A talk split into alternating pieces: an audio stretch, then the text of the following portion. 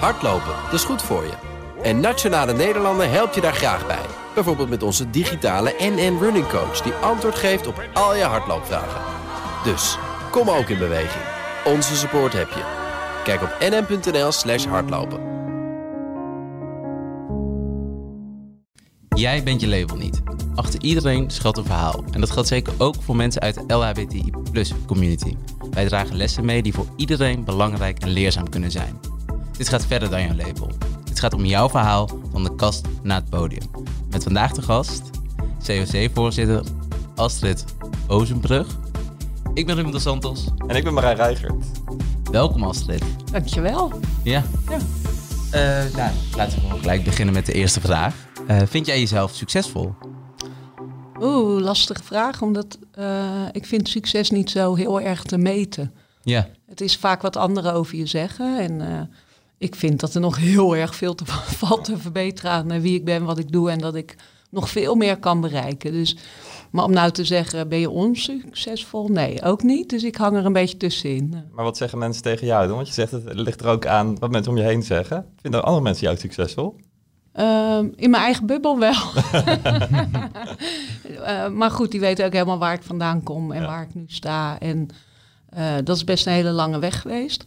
Want zou je daar iets meer over kunnen vertellen? Want je hebt best wel een ja, bijzonder verhaal eigenlijk. Zou je daar meer over kunnen vertellen? Ja, ja, het is ook een heel lang verhaal. En ik uh, merk dat hoe vaker ik het vertel, hoe korter ik het maak. En dat mensen het dan helemaal niet meer begrijpen. Ja. Um, toen ik, uh, ik ben geboren in een gezin met zes kinderen. Ik ben de zesde in rij. Dus ik was een beetje het prinsesje en uh, nou ja, ook heel erg gewenst. En dat heb ik ook altijd zo gevoeld. Uh, door bijna iedereen, behalve mijn moeder, want die liep weg toen ik vier was. Oh. En liet, nou ja, mijn vader achter met zes kinderen in de leeftijd tussen de vier en dertien jaar. Nou, dat is heel even goed gegaan, maar toen greep toch de kinderbescherming in. Uh, en ben ik in een thuis geplaatst, daarna in een pleeggezin. En nou ja, uiteindelijk op mijn dertiende, veertiende daar weggelopen, omdat ik het nooit voelde als thuis. En uh, dat zit ook heel erg in de persoon die ik ben, want uh, ja, ik heb me nooit erg geconformeerd aan wat nou ja, standaard was of normaal. Want voor mij is normaal heel anders dan ja, de bubbel die om me heen hing daar. Ja. En ja, uiteindelijk te huis terechtkomen. Op mezelf gewoon uh, toen ik 15 was en rond uh, mijn dertigste mezelf helemaal opnieuw uitgevonden. En uh, de IT ingegaan. En daar ja. zit ik nog steeds voor een groot deel in ook. Wel echt weer een mannenwereld. Ja, ja, maar toch ook weer, ja, weet je, we, we, we kijken zo naar mannelijk en vrouwelijk. Terwijl ik kijk naar menselijk. En dit Ja. paste heel erg bij mij. Het, het voelde als een jasje, dus ik dacht van ik ga het gewoon doen. Mhm. En ik voel me nog steeds, eh, ik ben eh, bijna 55. ik voel me daarna 25 jaar nog steeds ongelooflijk eh, gelukkig in die wereld. Omdat ja, we spreken dezelfde taal. Er zijn heel veel mensen die wat eh, nou ja, in het nu neurodiverse spectrum eh, rondlopen. Ja. Eh, en heel veel mensen van kleur. In alle kleuren, hè, van de regenboog, maar ook culturele andere achtergronden. En ik merk aan mezelf dat ik me daar het allerlekkerste bij voel. Dus juist in een diverse wereld, veel diversiteit. En juist niet in dat nou ja, heteronormatieve, allemaal hetzelfde. En allemaal spruitjes, stukje. Of mijn, mijn dochter noemt dat AGV. eh, aardappelen, groenten en vlees. Ja. Ja. maar hangt er een verkeerd beeld over die eh, wereld heen? Want ik denk dat de meeste mensen, als ze aan de IT-wereld ICT denken... ehm, witte mannen, hetero, van middelbare leeftijd of, of, of wat jonger. Ehm, maar zoals jij beschrijft, vind ik eigenlijk heel erg mooi. Heel divers. Ja. Ja, en, en dat komt misschien omdat de IT eigenlijk niet bestaat. Net zoals eh, dat eh, de zorgmedewerker. Dat zijn ook allemaal verschillende mensen. Hè? Allemaal ja, van dokter tot aan eh, of, of, of ja, schoonmaker, noem het maar op. eh, iemand die de telefoon aanneemt, eh, assistent. Dus dat is zo'n breed spectrum. Nou, dat is ook in de IT zo. En ik heb vooral aan de kant gehangen van internetproviders. nou, dat waren heel erg de pioniers in die tijd. Onder andere bij Access for All gezeten, waar we een groep hadden die noemde zichzelf Hippies from Hell. En dat waren we eigenlijk ook. En, en daar was een, het was gewoon heel divers. En daar ben ik ook de eerste transgender personen tegengekomen. Die Oh. had ik nog nooit ontmoet in mijn leven. Dus nou ja, en dat zijn wel dingen. Als je het ontmoet en je, en je leert het kennen en, en je praat met mensen, dan komt ook het begrip. Dus ja, daar. Had je er eerst dan geen begrip voor omdat je het gewoon niet kende? Vond je het gek? Nou, ik had vooral eh, geen begrip voor mijn eigen gevoelens. Dat, eh, ik denk rond mijn puberteit kreeg ik het eh, boek in handen van eh, eh, Jongensuur van eh, eh, Andreas eh Bernier. En dat ging heel erg over, eh, ja, je bent een vrouw, maar ja, je trekt op met een groep eh, mannen of jongens om je heen en je bent onderdeel van die groep. Ja, en ik las zoveel dingen die ik herkende. Eh, omdat ieder, ik werd heel tijd maar aangesproken, ja, ben je nou een jongen, ben je nou een meisje?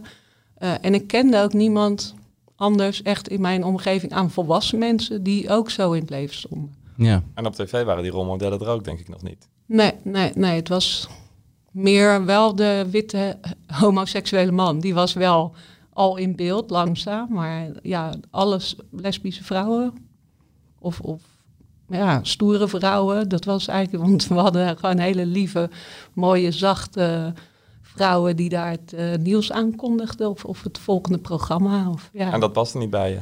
Nee, nee. Terwijl ik wel een heel lief mens ben, maar ik was niet heel erg conformistisch. Toen Nee. al niet en eh, ja, nog steeds niet. Want we hebben ook gelezen eh, in onze eh, voorbereiding.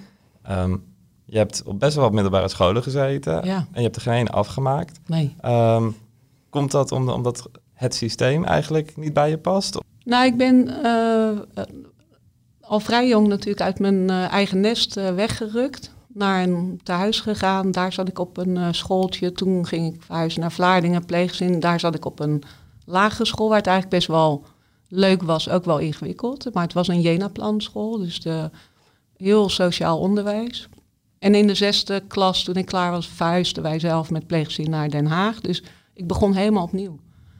Eh, dus de school waar ik kwam, eh, nou dat, ik kende niemand en sommigen kenden elkaar wel.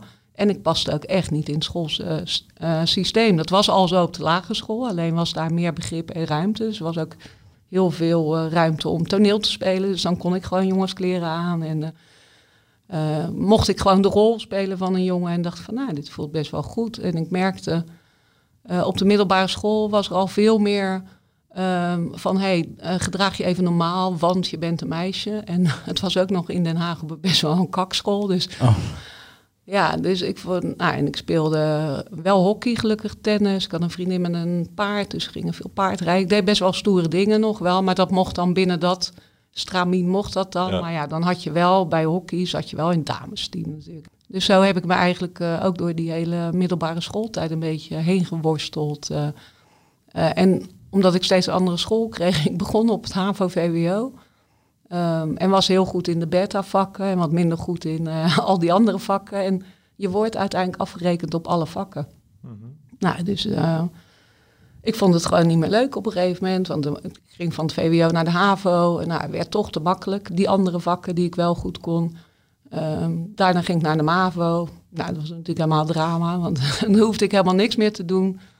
Ehm, en tussendoor ging ik ook weg bij het pleegzin. Ging terug naar Rotterdam. Daar naar school waar het weer even wel goed ging. Toen ging ik weer naar een tehuis in Alphen. Weer een andere school. Nou ja, op een gegeven moment wil je ook niet meer naar school. Want je moet elke keer opnieuw jezelf uit gaan leggen.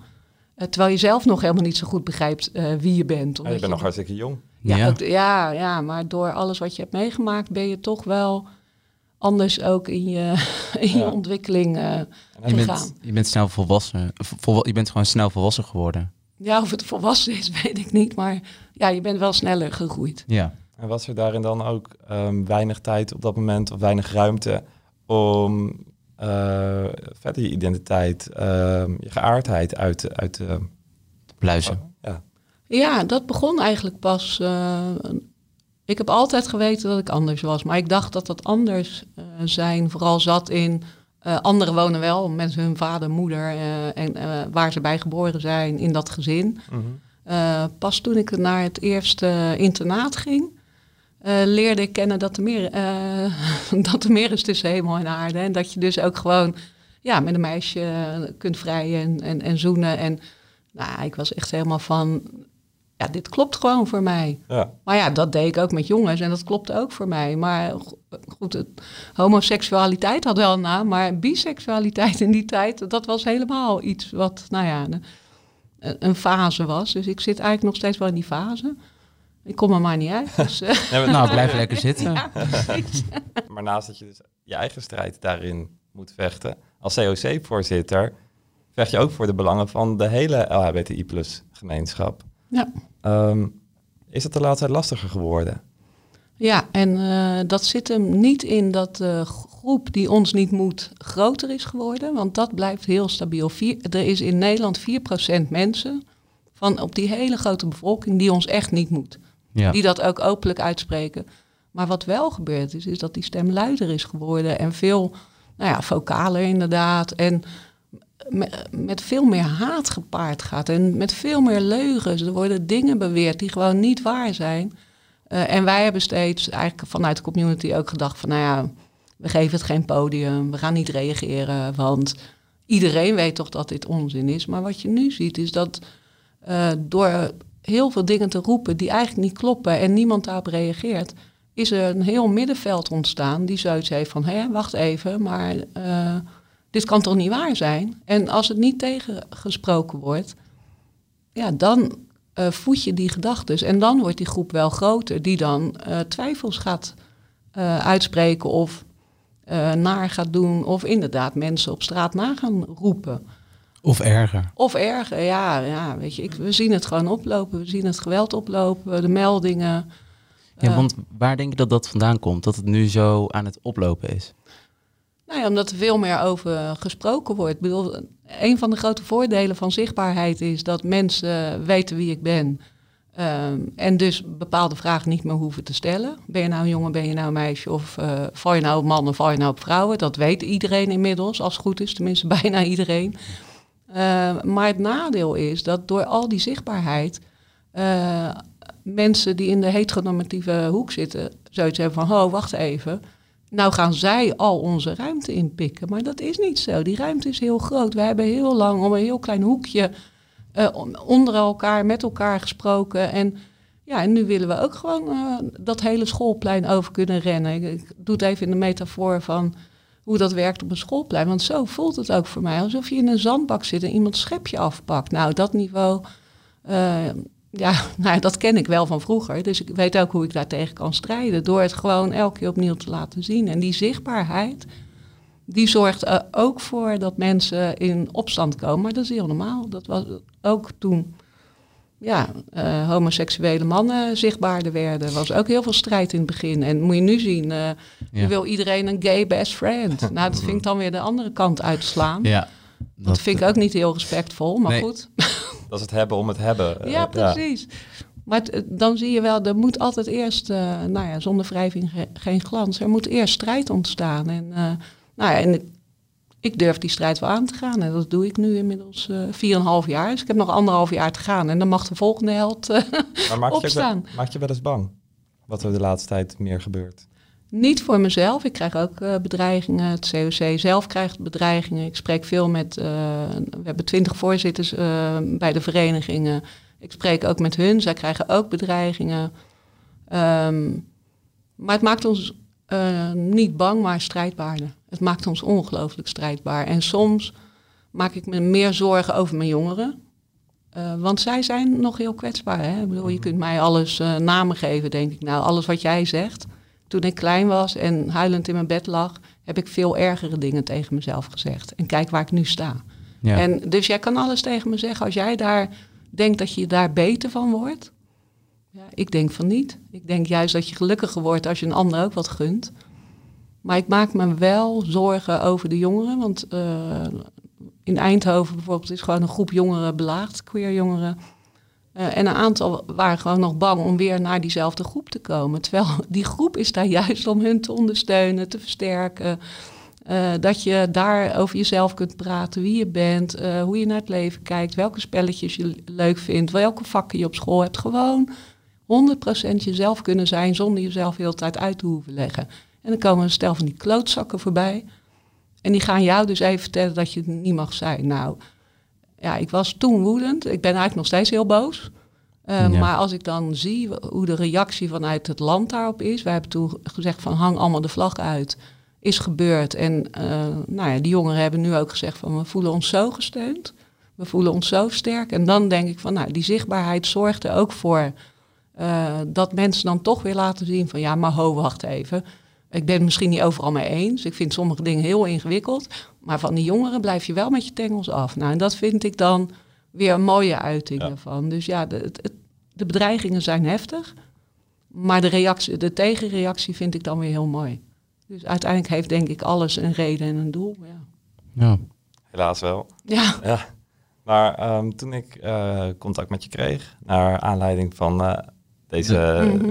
deze podcast, um, toen zat je eigenlijk ook van de ene naar de andere meeting te gaan. En volgens mij had er ook uh, dat je aan de telefoon zijn mee te maken dat er gewoon best wel veel inderdaad gebeurt. En een aantal dingen krijgen we wel mee in de media, maar gebeurt er nog veel meer dan het in de media meekrijgen? Of? Nee, er gebeurt wel meer. En ehm, je merkt ook dat mensen angstig zijn geworden om of aangifte te gaan doen. Heel vaak wordt de aangifte niet eens opgenomen. Dat hebben we nu weer het voorbeeld van Ricardo Brouwer, die aangevallen was uh, in de trein, aangifte wilde doen. En een agent zegt gewoon van, nou nee, dat kan helemaal niet. Nou, uiteindelijk... Omdat hij niet geslagen was, toch? Ja, omdat hij niet geslagen was. Nou, uiteindelijk blijkt dus dat het wel kan. En wij hebben die gesprekken vanuit COC ook met de politie, met de OM, uh, eh, hoe dat dan zit. En zij zeggen dan, nee, maar je mag wel aangifte doen. Nou, dus we hebben ook nu weer het gesprek van, hoe kan het dan? Dat een agent dus schijnbaar ofwel zelf de instructie gekregen heeft... of hem zo begrijpt dat hij tegen queer mensen zegt van... ja, maar weet je, dit heeft gewoon geen zin. Aangifte, ik kan er een aantekening van maken. En daardoor uh, vergroot je gevoel ook van onveiligheid. En de enige plek waar je dan nog voor je gevoel terecht kan is COC of je lokale COC. En daar doe je dan een melding van, joh, dit is me overkomen of dat. Ja, en ik kom natuurlijk op heel veel plekken um, en spreek heel veel mensen. En ja, die spreken allemaal over incidenten, maar het, is geen, het zijn geen incidenten meer. Het is gewoon echt, wat er nu gebeurt, is gewoon echt. En mensen worden gewoon, als je met je vriendje hand in hand uh, over straat loopt, word je gewoon uitgescholden. Of in het beste geval, hè. Je mhm. kan ook gewoon een baksteen naar je hoofd krijgen of in je gezicht gespuugd. Uh, echt niet normaal. En dat zit hem niet in een bepaalde uh, bevolkingsgroep. Het zit echt in groepsgedrag. en mas masculine mannen, daar heb ik ook last van. Ja, de anti-LHBTI-groeperingen. Um, ondanks dat ze heel erg tegen ons zijn, heb je er dan toch vanuit je rol als COC-voorzitter wel het gevoel dat je toch het gesprek mee aan moet gaan? Of kan dat niet meer? Niet met hun leiders, maar wel met hun achterban. En dat heb ik ook, ehm, toen ik nog Kamerlid was, heb ik bijvoorbeeld ook met ChristenUnie veel gesproken. En steeds geprobeerd te kijken waar vinden we elkaar wel. Ook met CDA, waar vinden we elkaar wel? En je ziet dat daar echt wel uh, openingen zitten. Wat ik bij de PVV merkte was van uh, we gebruiken alleen maar uh, homo's om als stok om moslims mee te slaan. Ja, maar weet je, was het maar zo simpel? Was het maar één groep? Dan konden we zeggen, nou, dat is heel makkelijk. Dan zetten we die allemaal apart. We pakken ze gewoon allemaal op, want we weten toch al dat zij het zijn. En dan zijn we er vanaf. Maar ja, mijn ervaring is helaas anders. En niet alleen mijn ervaring, maar van heel veel queer mensen. En daarbij, ja, het is echt die, dat conservatief me wat ons dwars zit. En daar is het natuurlijk ook ooit begonnen. En uh, rechtsextreem heeft dit nu gewoon uh, kopieert het één op één uit Amerika, waar het, waar, nou, daar, zijn mensen toch anders. Ja. Uh, maar ja, bij een bepaalde groep slaat dit wel aan, helaas. Ja. En bijvoorbeeld dan organisaties of stichtingen als de Roze Leeuw, mm die wel claimen dat ze ergens erbij horen, maar eigenlijk ook heel erg veel afstand zoeken juist van de nou, rest ja. community. Ik vind het eigenlijk heel verdrietig, want sowieso bestaat de stichting uit twee personen. Uh, we hadden laatst een demonstratie in uh, Rotterdam, dan staan ze daar met z'n tweeën. En dan, ze claimen heel veel en beschuldigen mij van alles en nog wat. Zakken vullen vooral. Nou, nieuwsflash, het is mijn vrijwilligersbaan. Uh, En dat ik niet namens de community zou spreken. Nee, dat kan best. Maar ik spreek wel namens de mensen die wel allemaal aangesloten zijn bij het COC. En heel veel mensen ook niet. Uh, want wij hebben met de GSA en, en uh, dus de Gender Sexuality Alliance. Nou, hebben we inmiddels uh, eh, 500.000 jongeren aan ons gebonden of zo. Ik bedoel, hoezo zijn wij geen stem? Alleen in Nederland al? Ja, ja. Oh, waarom zijn we dan? bijzonder. Ja, dus op al die uh, scholen, de, de Paarse Vrijdag, nou bijna alle scholen doen mee. Dat is een hele grote groep uh, jongeren die dezelfde agenda steunt. Ja. Wat zeg jij dan uh, van ouders bijvoorbeeld? Die zeggen van nou, die, de Paarse Vrijdag, dat wordt een beetje too much. Dat, dat hoeft allemaal niet. Het hoeft allemaal niet zo groot en allemaal zo extravagant uitgebeeld te worden. Ja, nou ja, de, ik vind juist van wel. En ik vind, ben wel heel blij dat ouders dat gesprek aan willen met school. Want dat moet je, je moet ook je grenzen aan uh, kunnen geven. Alleen de vraag is, gaat het nou om die ouders of gaat het om die kinderen? Ja. En wat ik gewoon zie, ook bij het drag voorlezen, kinderen zien gewoon wat ze zien. Zij zien iemand die prachtig aangekleed is. Ze zien iemand met heel veel kleuren. Iemand die zichzelf durft te zijn. Uh, en dat is op Paarsvrijdag ook. Als je allemaal iets paars aantrekt, dan laat je zien van uh, we zijn allemaal, uh, we zijn allemaal, nou ja, niet helemaal gelijk, maar we, we stralen wel uit dat we gelijk zijn, dat we elkaar waarderen en accepteren en dat je gewoon jezelf mag zijn. Ja, ik snap niet hoe je daar tegen kan zijn.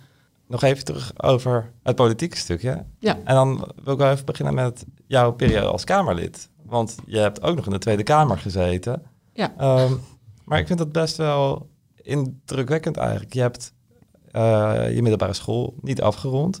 Je bent ICT ingekomen, je bent Kamerlid geworden, uh, COC-voorzitter. Je hebt best wel een staat van dienst daarmee gecreëerd. Um, maar hoe, hoe, was jouw tijd in de Tweede Kamer?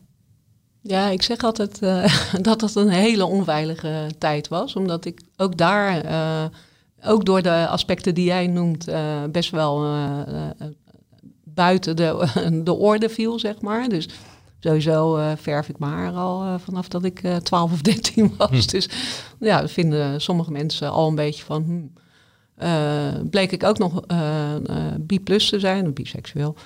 Um, IT'er, dus een hele andere mindset. daar zijn vooral heel veel alfa-denkers en, en, wat minder beta. Dus ja, en ik ben gewoon goud eerlijk. Dus ik zeg wat ik denk. Ik uh, ben wel wat dat betreft ook echt een Rotterdamse. Dus ja, en dat was voor veel Kamerleden in het begin. eh, Sowieso hadden ze het idee, jij, jij speelt een spelletje, omdat ze zelf vaak een spelletje spelen. En ik ben helemaal, ja, what you see is what you get. En uh, dus dat heeft best wel tijd nodig gehad. Um, en toen bleek dat ik ook echt verstand had van dingen. Dat vonden dan andere Kamerleden weer uh, ingewikkeld, ook binnen mijn eigen fractie. Want je mag je niet te veel profileren. Want dan, hoe meer ja, ik zou opvallen, uh, hoe minder de ander dan op zou vallen of zo. Ja, ik snap de, dit soort dingen nooit uh, heel goed. Ik snap het ook niet. Nee, nee. Dus dat is wel, omdat, en dat leerde ik in die aantal jaar in de Kamer, dat uiteindelijk gaat het helemaal niet over oplossingen of, of dat je kennis hebt of dat je de wereld beter maakt. Nee, het gaat erom hoe kijkt de buitenwereld naar je? Uh, krijg je genoeg zetels? Want zetels zijn macht. Uh, uh, maakt niet uit welke afspraken je maakt. Als het niet uitkomt, zeg je ze net zo makkelijk weer op. Nou, ik heb een. ik zit een beetje in het autistisch spectrum. Dus voor mij is afspraak afspraak. Ik ben een redelijk zwart-wit denker. En ik begreep het gewoon niet. Ik begreep de taal niet die ze uh, spraken. Um, als in van uh, als je afspraken maakt buiten de, de, de, vergaderzaal om en dan ben je in de vergaderzaal en ineens was iemand zijn hele mening omgedraaid. Nou, dat, dus dat voelde voor mij ongelooflijk onveilig. Ja. Ben je blij dat je weg bent uit de politiek? Ja, ja, want ik heb ook toen zelf gezegd van ik ga niet door. Uh, toen is nog wel gevraagd van wil je dan op de lijst? Zei ik nou nee, dat risico neem ik niet. Want ik weet dat als ik gekozen word op voorkeurstemmen, uh, dan ga ik door. En ik wil gewoon echt niet door. Ik vind het gaat hier te langzaam. Ik vind de mensen niet oprecht. Uh, ik vind ze niet eerlijk. ik wil terug naar mijn mensen, naar mijn wereld. Dus toen, nou, dat werd wel geaccepteerd gelukkig. Gelukkig, maar heb je dan ook nog nare reacties gehad toen je eigenlijk gewoon zei van ja, ik vind het hier niet meer leuk, ik wil hier weg? Ja, ik heb een groot uh, afscheidsinterview gegeven, ook omdat ik tegen een bepaalde wetgeving uh, stemde, waar ik achteraf dus ook echt gelijk over kreeg. Dat was uh, nou ja, rond de wet op de inlichting en veiligheidsdienst. Er waren een aantal stukken in waarvan ik vond van dat moet echt meegenomen worden. Nou, is niet gebeurd. Toen zei ik, dat kan ik niet voorstemmen. Dus nou, toen heb ik tegengestemd. En dat was voor mij ook een reden van, ik zit hier, ik heb verstand ervan, ik adviseer, het is mijn portefeuille, ik adviseer mijn fractie. En dan wordt gezegd van, ja, maar we kunnen niet tegenstemmen, want we hebben een afspraak met, uh, met de VVD. Dacht van, ja, maar dat kan, maar je moet toch goede wetgeving maken hier. Nou, en daar is, uh, ja, dus toen ik weg, ja, toen heb ik dat grote afscheidsinterview gegeven. Ineens hingen er allemaal uh, partijprominenten aan de lijn die ik echt nog nooit in die vijf jaar had gezien. die hadden ineens zoiets van, ja, als je nou eerder zo'n interview had gegeven, dan was je veel eerder in beeld geweest. En dacht ik van, wow. Maar dat mocht je helemaal niet. Nee, precies. je, jij moet je klein houden, zodat de anderen konden flaneren. Ja, ja dus nou ja, toen dacht ik helemaal van, nou, volgens mij is het de allerbeste beslissing geweest om te zeggen, ik stop. Want ja. Ja. Dat vind je denk ik wel jammer, uh, dat, het, dat het zo in elkaar zat. Want je zat er natuurlijk om de mensen te vertegenwoordigen. Ja, ja dus ik heb uh, eerst dacht ik van, oh, wat heb ik hier zitten doen? Achteraf heb ik nou ja, ik heb best heel veel mooie dingen achter de schermen gedaan. En dat hoeft ook verder niemand te weten wat ik allemaal heb gedaan. Maar als ik dan deze mensen uh, weer tegenkom en ik zie hoe gelukkig ze zijn, denk ik van ja, want die invloed had ik. Uh, want ja, ze probeerden dan ergens iets te doorbreken, lukte niet. En dan uh, zei ik, nou geef me even het nummer en dan belde ik. En dan zei ik eerst, nou met Astrid Oostenbrug, met wie? Tweede Kamerlid, bla, nou, oh, oh, oh, oh, sorry mevrouw. En, nou, en dat ook dat vond ik heel erg. Maar ik ben het uiteindelijk wel gaan gebruiken. En, want ik dacht van, nou, dan kan ik het in ieder geval ten goede inzetten. dus, maar dat is wel hoe de wereld werkt. En, uh, want jij zei ook van, ja, indrukwekkende carrière en zo. Ik voel dat zelf helemaal niet zo. Want ik vind ook de Tweede Kamer een plek uh, voor iedereen. Uh, en iedereen zou daar een kans moeten krijgen. En ik had zelf allemaal dingen bedacht van hoe zorgen we nou dat een beetje roulatie komt. Dat we bijvoorbeeld drie plekken in de Kamer reserveren voor random mensen. Dus dat je een soort van ineens een brief op de mat krijgt van nou ja, jij bent het komende zes maanden ben jij Kamerlid en loop je mee. En ik dacht van, want dan beginnen mensen ook meer gevoel te krijgen bij politiek. Want er gebeuren ook heel veel goede dingen daar. Alleen die zie je niet, want die zijn niet interessant. Hoe ben je nou uiteindelijk, kwam het opeens op je pad om COC-voorzitter te worden? Hoe, hoe is dat tot stand gekomen? Ja, um, Tanja Ineke was zes jaar voorzitter. Nou, na zes jaar moet je weg. Je mag drie periodes van twee jaar doen. Uh, en in die drie jaar, of in die zes jaar, ja, wordt dat twee keer voorgelegd ook aan de leden. Wat heel, ik vind dat heel gezond. Dus twintig voorzitters bepalen mijn lot, zeg maar. En Tanja kwam bij mij van, joh, ik ga weg en we zijn op zoek naar een goede opvolger. En nou ja, jij zou heel goed passen bij het COC. Ik dacht van ja, ik ken het COC nog wel van oude witte mannenclub, allemaal homo en ja. geen plek voor vrouwen. Dus ik had, en, en biseksueel moest je al helemaal niet zijn daar. Dus ik dacht van, waarvoor ga je nou mij vragen? Dus ik ben toch weer nou ja, een beetje naar mijn eigen afdeling gegaan in Rotterdam, een beetje gekeken van en toen zag ik dat het eigenlijk veel breder was dan dat. Dus ik, ook ik zat vol met vooroordelen hoor. Dat uh, durf ik ook ja. wel eerlijk toe te geven. En uh, nou, toen dacht ik uh, op. Ja, weet je, ik had het een beetje laten liggen van, nou ja, ik word gevraagd. dat is heel eervol, maar ik had net een dingetje achter de rug voor voorzitterschap bij mijn partij, wat niet goed was gelopen. Dus dacht van, ja, heb ik hier wel zin in? En toen kwam Tanja weer, iets indringender, van doe het nou maar gewoon. Nou, toen heb ik gesolliciteerd. Er waren nog, met mij nog een aantal kandidaten. Um, twee gesprekken, twee of drie gesprekken gehad. En toen hebben de leden en, en, de, en de directie en, en het kantoor in al hun wijsheid besloten van, nou ja, zij wordt het. En hoe zijn, en waarom denk jij dat ze voor jou hebben gekozen? Ja, ik denk toch uh, door mijn oprechtheid en maar ook door mijn uh, activis uh, activistische kant. omdat nou, Tanja was, e ik vind haar echt een topper. Zij heeft echt het COC weer op de kaart gezet. Ze heeft het bestuurlijk helemaal weer recht gezet, zodat het allemaal goed functioneerde. Um, maar het was weinig zichtbaar naar buiten. En ik ben wat, ik kan heel veel dingen goed en dat is vooral mijn mond opentrekken en ja, en, en ik spreek de, denk ik, de, de taal van de straat ook. En de, daar zit toch onze allergrootste uitdaging, denk ik altijd. Ja. Niet? Ja. Want uh, wat zie jij, wat, ja, je zegt de straat als je grootste uitdaging, maar um, kan je dat iets beter of duidelijker omschrijven, wat je daarmee bedoelt? Ja, dat uh, heel vaak wordt gekeken naar uh, de mensen in de volksbuurt, dat die heel erg anti-LHBTI zouden zijn. en, maar goed, mijn ervaring is anders. Ik kom zelf uit een volksbuurt en weet van als je met mensen in gesprek gaat en uitlegt van ja, ik ben, ik ben biseksueel. Oh, wat is dat nou weer? Uh, doe je het met iedereen? Haha, weet je. Zo beginnen dit soort gesprekken vaak. En dan leg ik uit wat dat met me gedaan heeft in mijn opvoeding, hoe ik opgegroeid ben. En dan ontstaat er ineens heel veel begrip. En dan zegt ze op een gegeven moment: Ja, joh, maakt dat nou uit? Want ik heb ook een tante. Iedereen dacht van, uh, ze woont samen met, uh, want het waren onze tantes. Nou, uh, iedereen wist op een gegeven moment dat het gewoon twee vrouwen waren die hartstikke verliefd waren. Maar ja, weet je, niemand vond daar verder wat van. Alleen zij vonden dat dat dan niet naar buiten mocht. Ja, dan ga ik er niks van zeggen. Nou, op die manier. En dat, um, weet je, dat gevoel is gewoon wat volkser misschien, zou je zeggen nu.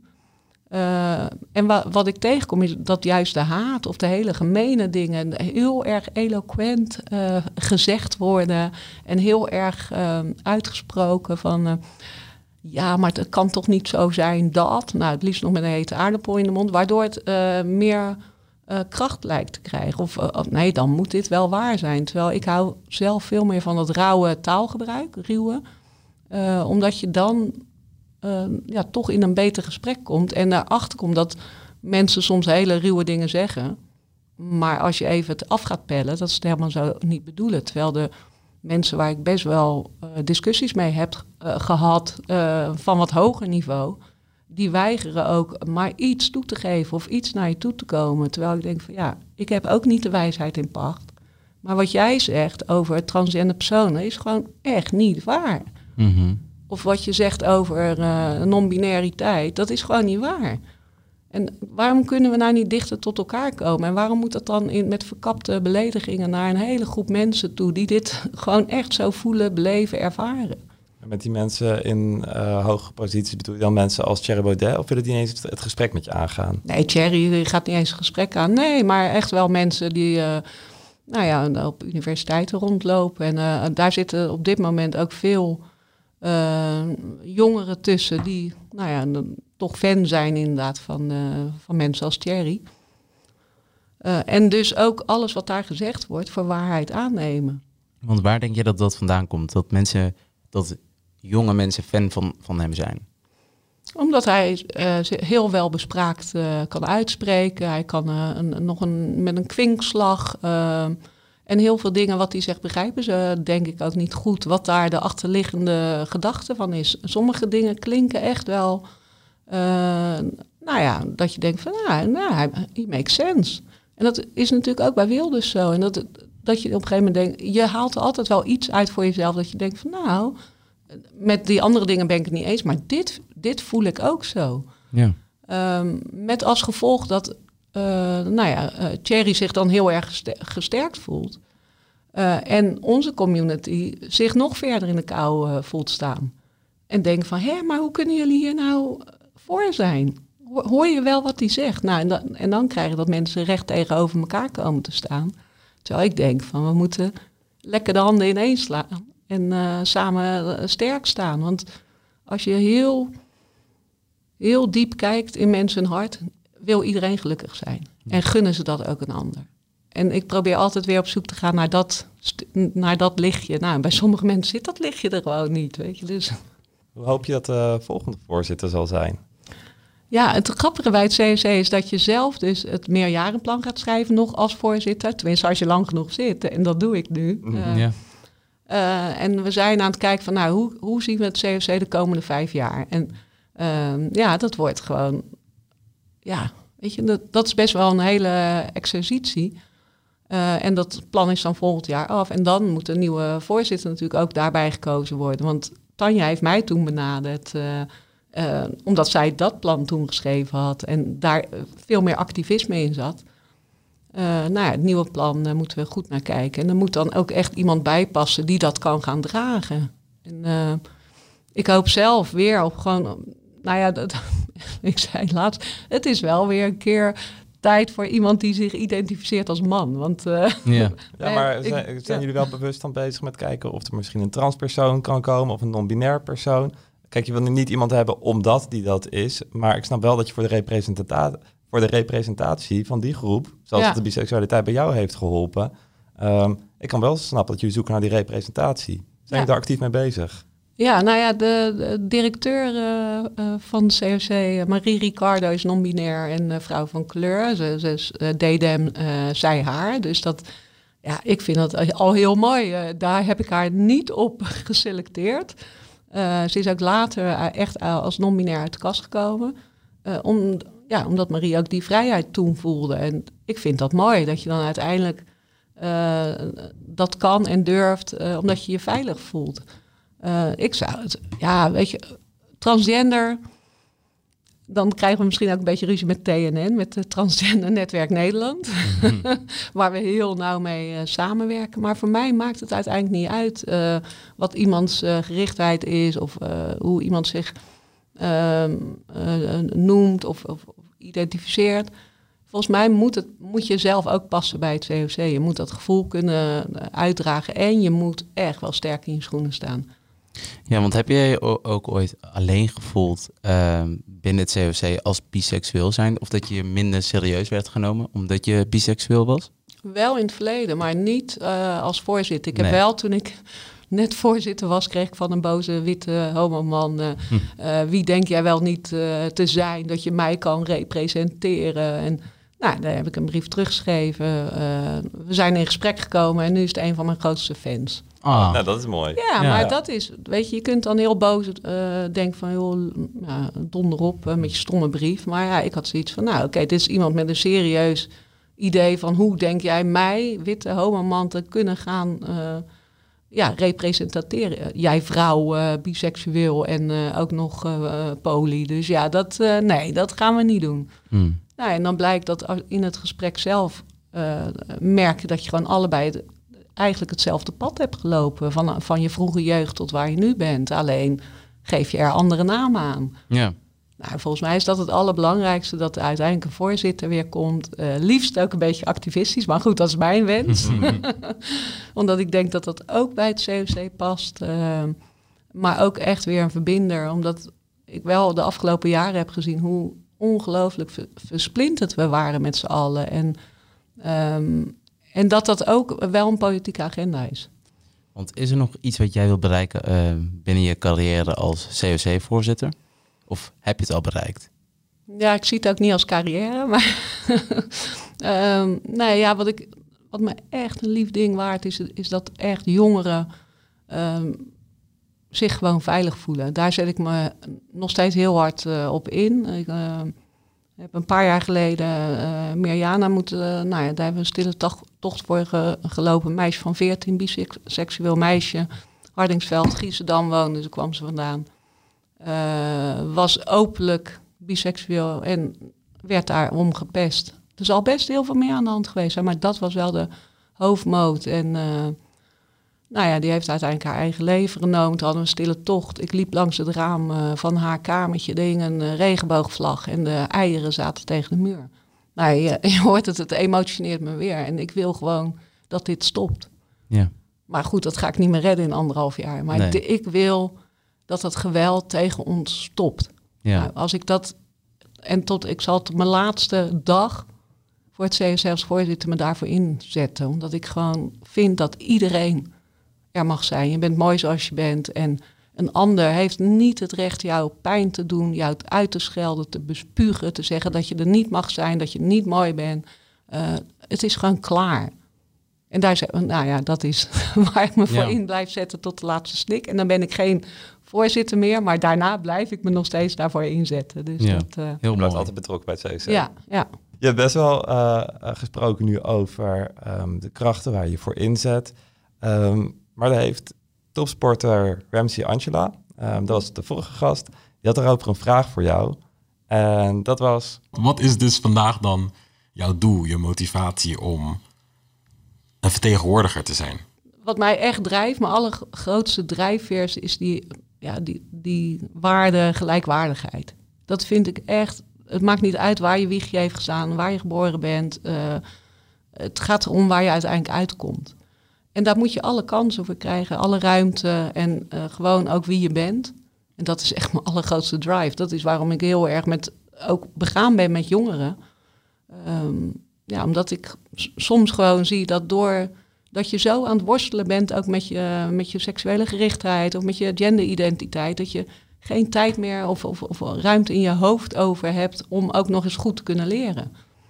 Dus als we dat weg kunnen nemen, dus dat, ja, dus eh, voor mij blijft één zin die ik altijd overal uitspreek, dat diversi als diversiteit de norm zou zijn, dan zouden we al die, zou je al die gedachten niet hoeven hebben. Dan zou je niet uit de kast hoeven komen, want dan gaan mensen er niet standaard van uit dat je eh, ja, ook hetero Ja. bent.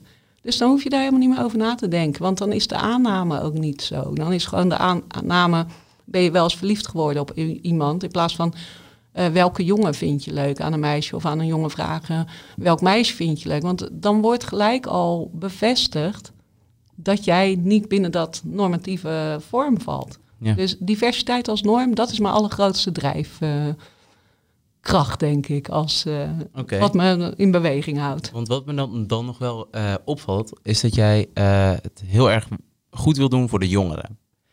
Zit daar een correlatie in met jouw eigen verleden, zeg maar? Omdat je bepaalde behoeftes had die je niet hebt gekregen?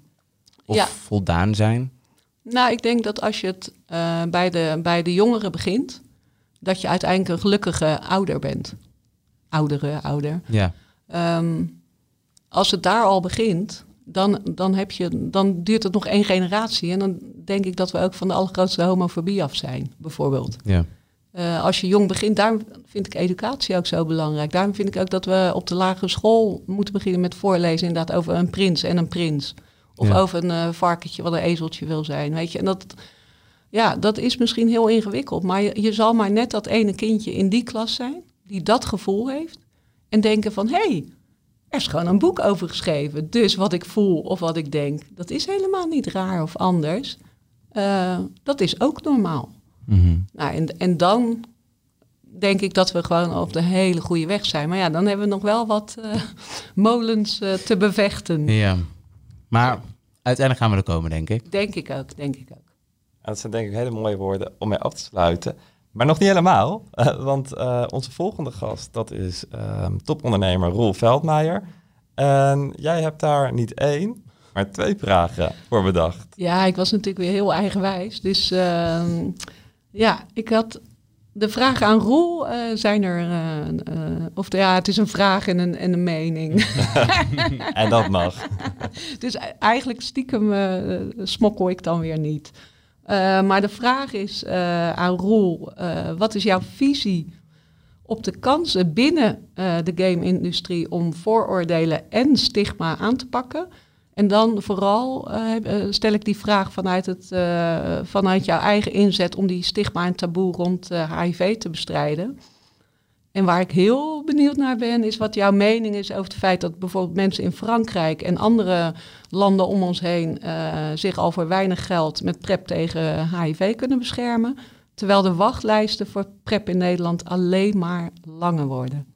Mooie vragen. Hele mooi. Ja, dankjewel. Graag gedaan. Dank jullie wel voor het luisteren naar deze aflevering met Astrid Oostenbrug, eh, voorzitter van het COC. Eh dankjewel voor je openheid en je mooie en boeiende verhaal eigenlijk. We kunnen ons voorstellen dat na deze aflevering mensen jou ook misschien willen volgen op social media. Waar kunnen ze je volgen? Ja, op de, op de Twitters uiteraard. eh, Astrid Oostenbrug. Ik zit op Facebook, op Instagram en... eh, Met allemaal dezelfde handle. Ja, nee, op, op Instagram is het Astrid O. En op Facebook het wel gewoon Astrid Oostenbrug. LinkedIn ook nog, is tegenwoordig ook een soort Facebook. Dus, eh, nou ja, dus eh, als je me googelt, dan vind je me eigenlijk overal. En verder moeten ze denk ik ook nog het COC volgen. Het COC sowieso. En die zitten echt overal eh, op tegenwoordig. Want we zijn heel hip en happening eh, tegenwoordig. Dus Nou, volgen dus. En eh, volg ons ook zeker op TikTok en Instagram. Van de kast naar het podium. En dan zien jullie ons volgende week met topondernemer Roel Veldmeijer. Dankjewel. Doei. Doei.